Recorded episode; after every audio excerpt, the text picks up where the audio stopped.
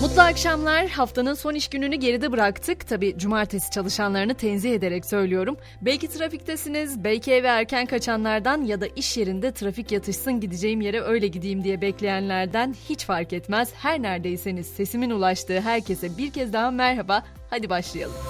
Aslında güncellenmeye bizden haberlerle başlayalım istemiştim ama Rusya lideri Putin, Ukrayna'nın Donetsk, Luhansk, Herson ve Zaporijye bölgelerinin Rusya'ya bağlanmasını içeren anlaşmaları Batı'ya o kadar ciddi eleştiriler yönelttiği bir konuşma eşliğinde imzaladı ki bu haberle başlamak kaçınılmaz oldu. Tabi Putin'in eleştirilerine Batı'dan da yanıt gecikmedi. Avrupa Birliği ortak açıklamayla ilhakın yasa dışı olduğunu ve bu ilhakı asla tanımayacaklarını duyurdu. Hemen ardındansa Putin devlet başkanı olduğu müddetçe Rus Rusya ile müzakere yapmayacağız diyen Ukrayna lideri Zelenski, NATO'ya başvuru belgesini resmen imzaladı.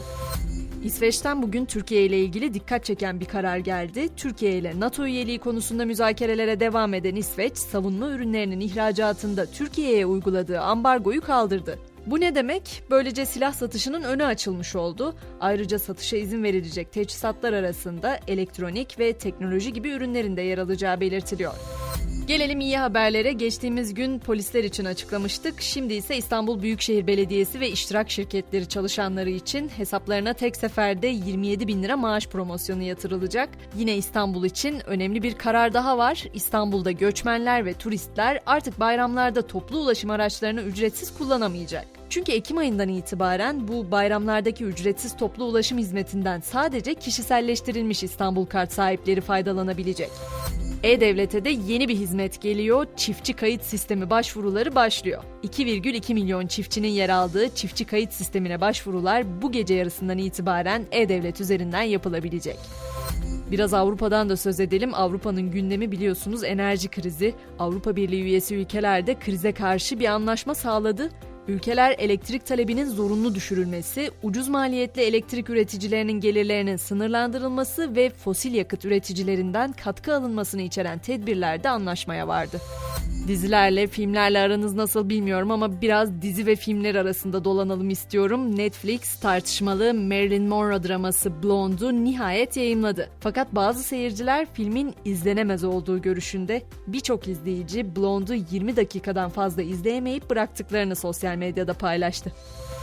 Sanırım şimdi bahsedeceğim diziyi ise izlemeyenimiz yok. La Casa de Papel'den bahsediyorum. Diziye bir süre önce Çabella demiştik bitmişti. Fakat dizinin Berlin'in hayatını anlatan spin-off dizisi 3 Ekim'de Paris'te çekilmeye başlanacak. Ve Madrid'de devam edecek bu çekimler. Hayranlarının heyecanla beklediği dizi şimdiden sosyal medyada en çok konuşulan içerik haline geldi. Hikayesi ise beklendiği gibi Berlin karakterinin hayatını anlatacak ve orijinal dizinin öncesinde geçecek.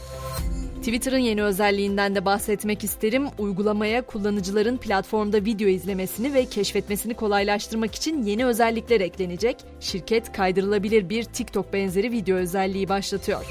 Şimdi Fransa'ya gideceğiz ve ilgi çekici bir haber aktaracağım. Ülkede eşcinsel yaşlılar için huzur evi açılacak. Lyon'da açılacak olan ve çeşitlilik evi adını taşıyan bu mekan toplumda cinsel yönelimleri nedeniyle zorluk hissedenler için yaşayabilecekleri bir yer sağlayacak.